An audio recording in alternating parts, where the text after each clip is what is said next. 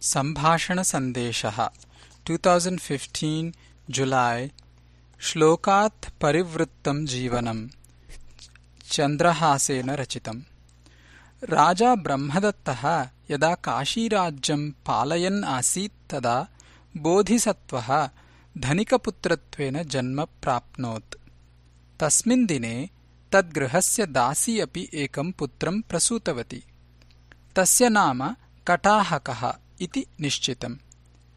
उभौ अपि बालौ एकस्मिन् एव गुरुकुले पठतः। गच्छता कालेन कटाहकस्य मनसि विचारः आगतः। मया अपि धनिकत्वं प्राप्तव्यम् इति। प्रत्यन्तनामके प्रतिवेशिराज्ये बोधिसत्त्वस्य कश्चन सुहृत् आसीत्। स तु कोट्याधीशः तस्य पुत्री विवाहयोग्या। एषा वार्ता कटाहकेन ज्ञायते एव। अतः सः बोधिसत्त्वनाम्ना एकं पत्रम् अलिखत्। एतस्य पत्रस्य आनेता मम कुमारः एव। एतस्मै कन्यां प्रदाय एतं स्वगृहे पोषयितुम् अर्हति भवान् भवान् तादृशम् एव जामातरम् इच्छति इति मया यत् श्रुतम् तदानुगुण्येन एतत् पत्रम् लिखामि इति। तस्मिन् पत्रे बोधिसत्त्वस्य मुद्रा अपि अङ्किता। ततः बोधिसत्त्वस्य धनागारात् प्रभूतम् धनमपि स्वीकृत्य कमपि अनुक्त्वा सः गृहात् निर्गतवान्। प्रत्यन्तराज्यम् गत्वा कोट्यधीशाय पत्रं दत्त्वा तदीयाम् पुत्रीम् परिणीय नामान्तरेण तत्र सुखेन अवसत्। गच्छताकालेन एषा वार्ता बोधिसत्त्वेन ज्ञाता। सः कटाहकस्य बोधनाय प्रत्यन्तराज्यम् प्रति प्रस्थितवान्। कटाहकः एताम् वार्ताम् कथमपि ज्ञातवान्।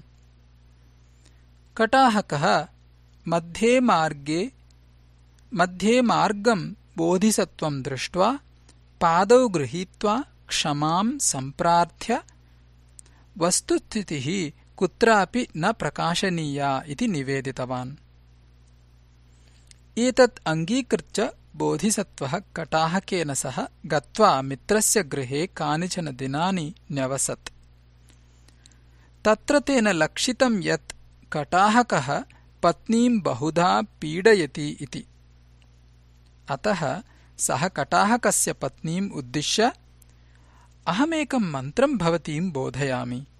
यदा तव पतिः कोपम् कुर्यात् तदा मया बोधितम् मन्त्रम् त्वम् उच्चैः पठ तदा सर्वम् सुष्ठु भविष्यति इति उक्त्वा एकम् श्लोकम् लिखित्वा दत्त्वा स्वदेशम् प्रतिगतवान्।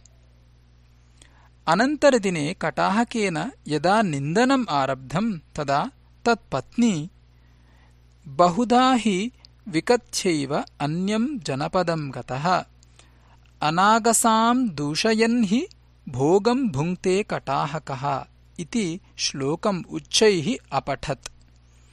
एतत् श्रुत्वा कटाहकः अचिन्तयत्। एषा मम वञ्चनापूर्णम् पूर्वजीवनम् जानाति इति। अतः क्षणाभ्यन्तरे एव तस्य कोपः अपगतः। अहम् यदि औद्धत्येन व्यवहरेयम् तर्हि एषा मम पत्नी रहस्यम् प्रकाशयेत् इति चिन्तयन् सः मृदुतया व्यवहारम् आरब्धवान्। कटाहकस्य पत्न्या न ज्ञातमेव यत् पत्युः जीवने महत्परिवर्तनम् कृतवतः तस्य श्लोकस्य किम् तात्पर्यम् इति